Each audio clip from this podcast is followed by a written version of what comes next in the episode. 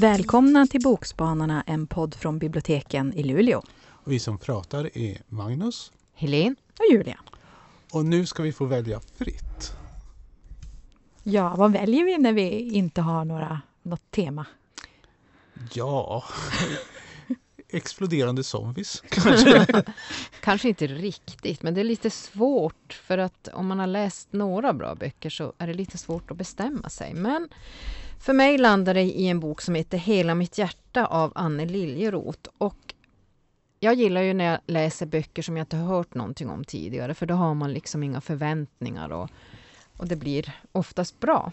Och den här boken, eh, jag hade läst ganska mycket elände och kände att nej, men jag vill ha något, kanske en feelgood eller något. Och så rök jag Hela mitt hjärta av An- Anne Liljeroth. Och, för jag trodde det var en feelgood, men mm, nej, inte riktigt feelgood kan man säga. Men kanske inte jätte, jättemörk. Men det den var, det var en väldigt gripande och spännande berättelse om Livia. Olivia är i 50-årsåldern. Hon är skild. Hon har tre barn, men de här tre barnen har hon inte haft kontakt med på sju år sedan hon skilde sig. Hon hade varit gift med sin man i nästan 20 år i ett mycket märkligt äktenskap. Nu har hon i alla fall haft hjärtinfarkt och hon har haft tillfriskna och känner att hon har fått en ny chans och vill försiktigt närma sig sina barn. Och hennes barn Maja som är student, hon är sladdis och det är Siri som är bröllopsfixare i London och Peter som har en podd.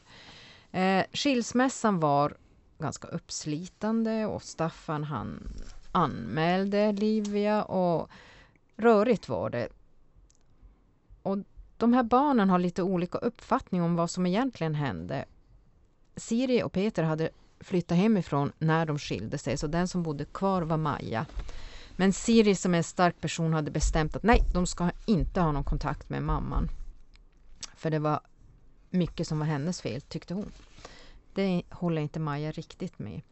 Eh, Livia hon är adopterad. Hon blev adopterad av ett mycket rikt par, von Hoberg, när hon var ganska stor för att bli adopterad. Och hon har alltid känt att hon måste hon får inte ställa till besvär. Hon är rädd att bli ensam och hon känns som hon inte riktigt dög, både hos föräldrarna och sin man. Och hennes föräldrar de accepterade inte Staffan alls, men Livia hon ville flytta och hon lyssnade inte på föräldrarna. Eh, det som var lite annorlunda i den här familjen, Livias nya familj, det är att Livia är familjeförsörjare och exmannen är hemma med barnen. Och så dör då båda föräldrarna med kort tid och hon ärver allt, Livia. Och varför är Staffan, eller var Staffan så himla snabb med att de skulle sälja godset? Hon hann liksom inte tänka efter. Så var godset sålt och han sa att ja men du jobbar ju och jag tar hand om det här. Och, hmm. och hon, när hon börjar fundera och när hon träffar sin kusin och får reda på olika saker så börjar det dyka upp saker i hennes minne. Var det verkligen så dåligt? Var hon verkligen en så dålig mamma som, som hennes man gav sken av att hon var? Och var det verkligen som det, ut, som det syntes vara i den här familjen? Så hon börjar ta kontakt med sina barn. Och det här är, det är nästan lite grann som en thriller ibland. Eller som en, inte kanske thriller, men det, det är som en spänningsroman. Och man kan, man kan som inte sluta läsa. Man börjar och bara sugs in i den här berättelsen. Och vill veta hur det går för Livia. Kommer hon att få kontakt med sina barn igen? Och vad hände när godset såldes som hon ärvde? Mm. Det låter Hela väldigt spännande. Mm, riktigt bra. Ja, jag har läst faktiskt en tysk roman, vilket det inte var ett tag sedan jag hade gjort. Um, och det är Hemma av Judith Herrmann, som är översatt från tyskan av Jesper, Jesper Festin. Och det här är väl en bok som handlar om minnen. Eh, också opålitliga minnen. Alltså om det som har varit. Vad är det vi kommer ihåg egentligen? Eh, hur hamnar vi där vi är? Eh, och det handlar ju också om, om det här äh, ögonblicket när, man kanske går vidare när man kommer in i någonting nytt. Eh, det handlar ju... Alltså det är väldigt bra språk i den här. Eh, det kan vara lite dråpligt ibland. Alltså, den börjar riktigt ro, roande i alla fall. Eh, och det handlar liksom huvudpersonen, hon har lämnat sitt tidigare liv bakom sig. Hon har flyttat från staden till havet. Hon har lämnat, hon har lämnat sin exman och sin vuxna dotter eh, som hon kommunicerar med ändå när hon är där. Hon försöker, liksom, hon har börjat jobba på en restaurang. Hon försöker skaffa nya vänner. Eh, ny re relation. Eh, hon tänker, är det, här jag ska, är det här nu jag ska fortsätta bo? Eller ska jag flytta härifrån också? Alltså hon försöker som hitta sin eh, plats. Och jag tycker det ro, roliga, liksom, det börjar, börjar så roligt. Hon, eh, det börjar liksom jättetidigare när hon är ung, när hon, hennes första jobb när hon jobbar på en cigarettfabrik. Hon står där då hela dagarna vid en sån här maskin och håller koll. Eh, och de andra pratar med varandra och gör och det, men hon, hon känner inte att hon, hon vill vara en del av, av, av, det. Så hon blir till och med inkallad in till chefen liksom, som säger att du måste börja heja på folk i alla fall. Det gör vi här. Annars, annars får du inte ha det här jobbet. Hon ger en etta i andra handen och hon har lämnat några blommor så hon brukar sitta där på balkongen och titta på de där blommorna ut över parkeringen och en mack då, som hon ser i närheten. Och då en dag eh, under sommaren så brukar hon gå varje dag och köpa sig en glass i, i den där macken då som hon bor i närheten av. Ehm, och en dag så dyker det upp en äldre man i kostym och så ställer han sig efter henne i kön och säger plötsligt Ja men du är ju kort och alldeles lagom för mig. Och hon bara eh, blir helt förvånad och det enda hon kommer så för att säga då att hon inte alls kort. Jag är faktiskt 167 centimeter lång. Ehm, och då svarar han att ja men du är alldeles normal men du är tillräckligt kort för hans trick och då visar det sig att han är trollkarl. Eh, och han behöver en ny assistent. Och han tycker att hon skulle passa ypperligt i den här lådan så han kan såga itu henne. Aj. men hon säger att ja, men hon är inte intresserad av det där. Eh, men, men han säger, men tänk på saken. Och så berättar han sin adress. Att vi, vi är alltid hemma, min fru kommer vara där. Men tänk på det, liksom, om du skulle kunna tänka dig. Eh, så kom förbi bara om du funderar ett slag. Och så under en hel vecka när hon står där i den här cigarettfabriken och håller koll på liksom det där, så tänker hon på det där.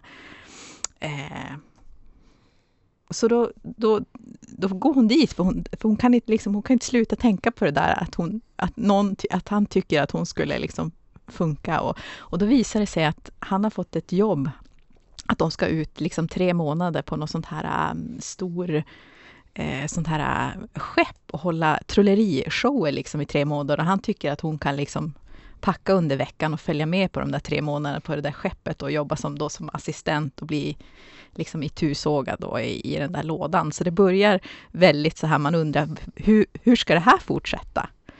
Um, så det är intressant det där med vad man kommer ihåg när man ser tillbaka och hur, hur, hur vad det kan hända saker som som låter liksom på, påhittade. Och det kan ju hända i allas liv, saker när någon säger någon kommentar eller man är med om någonting och så tänker man att det här var ju typ surrealistiskt eller jätte, jättekonstigt. Så jag, tyckte det, jag tycker att den är, den är väldigt bra. Jag skulle gärna läsa någonting mer av, av, av henne. Man kommer direkt liksom in i den och man, man, man eh, man har jätte, jag hade jätteroligt där i början. Man bara, vänta, vad är det här? Vad är det jag läser? Någonting? Man tänker, var, var kommer hon hamna någonstans? när, det börjar liksom, när det börjar på det sättet. Så jag tycker eh, absolut man ska läsa, läsa den. Men Magnus, vad har du för tips med dig? Nu har du ju fått mig att tappa tråden. Alltså det här med itusågade damer. Okej, okay, jag kan förstå hur man sågar itu dem, men hur får man ihop dem? Alla dessa nerver. Eh, ja. Eh, boken jag ska prata om, det är inte så mycket fritt val som att man plockar upp en bok som är som en eh, Sankt Bernhard med någon slags etiskt eh, mål. Alltså den lägger sig i knät på en och så tittar på en med sina stora ö, bruna ögon. Och så tänker jag sådär, nej, men inte ska jag fortsätta läsa det här. Jag vill ha något med viljakter eller något sånt där.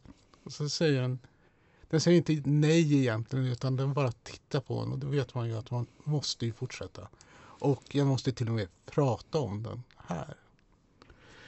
Och boken som jag då har läst det är Drömmen om ett träd av Maja Lunde. Och Maja Lunde skriver några sådana här märkliga eko science fiction med någon sån här lusekofta-stuk. Hon är alltså norsk. Och eh, hennes berättelser, eller i varje fall den här, utspelar sig ungefär hundra år i framtiden. Och det är ett eh, samhälle som präglas av en eh, ekologi och natur som har brutit samman. Och eh, om man ska följa tidslinjen så borde det ske kanske om fem år eller något sånt. Och om vi skriver då människorna som lever i resterna av den här eh, förstörda naturen. Och några av dem bor på Svalbard. Och eh, där så har de eh, reagerat på naturförstörelsen, den här ekologiska katastrofen genom att helt avskärma sig från resten av världen. De har grävt upp eh, flygfältet och slutat ta emot båtar. Och även om de då säger nej till teknologin så lever de i någon slags eko av det. Alltså de går runt i kläder av vävernylon som har liksom klyfts om och sytts till nya och som har blekts. Och även liksom alla de här plastsakerna som då alltså är antika, alltså som är hundra år gamla och som ändå fortsätter att hålla fast det kanske fast, eh, fattas något hjul. Eh, en ta, eh, en tack vare liksom, eh, att man har eh, den här temperaturförhöjningen som har skett på grund av den ekologiska katastrofen så he, håller hela Svalbard på att rasa ihop. Alltså att den består av berg som egentligen är grushögar som tidigare liksom har hållit ihop på grund av att de har varit frusna. Men nu liksom när glaciärerna inte finns kvar så kan de inte ge sig upp i vargen i och med att det är risk liksom, med fallolyckor. Men det som finns på Svalbard då, det är ett förråd med fröer. Och jag, vad jag vet så ska det finnas alltså på riktigt. Alltså man har samlat in fröer från hela världen och eh, förvarar i nedkylda lokaler för att de liksom ska kunna finnas kvar till framtiden.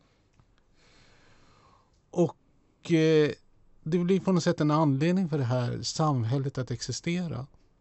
Att liksom vara vårdare av det här kulturarvet. Men man kan ju också ifrågasätta vad finns det för mening att vårda något som man aldrig eh, tänker använda. För Svalbardborna vill inte eh, ge, dela med sig av de här fröerna till resten av världen. I och med att tidigare så har man ju använt liksom grödan till det som har lett till den här naturkatastrofen. Alltså man har använt sig av genmanipulerat vete till exempel som bara kan växa under vissa omständigheter.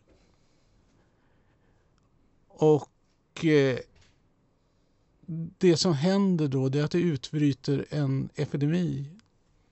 Så till slut så finns det bara kvar sex personer på Svalbard. Och det är huvud, eh, huvudpersonen då Tommy som tar hand om sina småsyskon. Och en kvinna som heter Rachel som han har, är klasskamrat med. Och nu är de är kanske inte vuxna men tillräckligt vuxna för att ta hand om Rachels lilla syster de här barnen. Det var det att Tom och Rachel är inte riktigt överens hur de ska leva. Tommy vill liksom leva, att de ska leva kvar på Svalbard och eh, bevara de här fröerna, och bevara det här arvet. Medan Rachel vill liksom ta sig från ön. Så hon till slut kontaktar eh, fastlandet och berättar att vi har de här fröerna. Och om ni bara kommer eh, hit och hämtar oss så kommer ni få dem. Och till slut så dyker det upp ett skepp då från Kina men när de kommer dit så är fröna borta. Och det är det som boken handlar väldigt mycket om. Alltså dels den här relationen mellan människor som kanske tycker om varandra eller inte tycker om varandra. Tommy som tar hand om sina syskon och ibland är det svårt att veta ifall han är positiv eller om det, det blir någon sån där mjuk filt som liksom mer kväver syskonen i deras utveckling.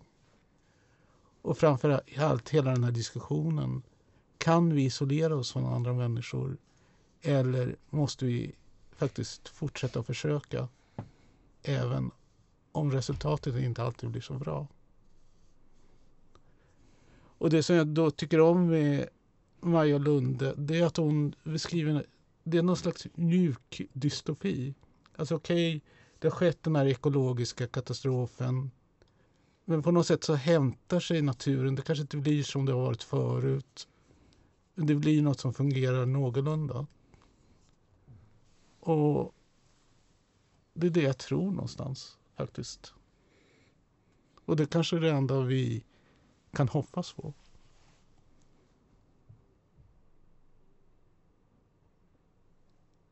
Det var bara en tyst minut. Helt chockad. ja. Nej men alltså det är som sagt underbar bok, underbart språk. Jag kan känna att det här är inte alls min sak men jag kommer läsa mer av henne. Jag har, inte lä jag har läst mm. en av hennes ungdomsböcker som jag tyckte väldigt mycket om. Mm. Så att måste ta mig tid att läsa en av dem, men det, det lät ju som att det inte är någonting man läser när man vill läsa någonting glatt. Mm, ja, samtidigt så det, det är det som är så konstigt. Alltså det är någon sån där hemstickad eh, Bullerby-känsla över det ändå. Du menar att det ordnar sig ändå på något sätt? Dels ordnar det sig, men det är väl man kan tänka, det är kanske som när man läser Lars Norén, alltså, de, de här ganska hemska levnadsförhållanden som ändå löper på. Fast det var inte bra, någon bra liknelse. Lars ja. ja. Nej men alltså, vad ska jag säga, personerna i boken de tycker inte speciellt bra om varandra. Men det funkar. Och det förekommer någon sån där ganska avancerad diskussion om vad som är egoism. Alltså är det egoism att bryta upp och flytta någonstans? Eller är det egoism att faktiskt försöka binda fast andra människor vid sig själv? Även om man gör det på ett bra sätt. Mm. Bokcirkelbok kanske? Definitivt en bokcirkelbok. Mm. Toppen. Men jag ja. tipsade om Hemma av Judith Herman. Hela mitt hjärta av Anne Liljeroth tipsade jag om och Drömmen om ett träd av Maja Lunde pratade jag Tack så mycket. Ja. Hej. Hej. Hej.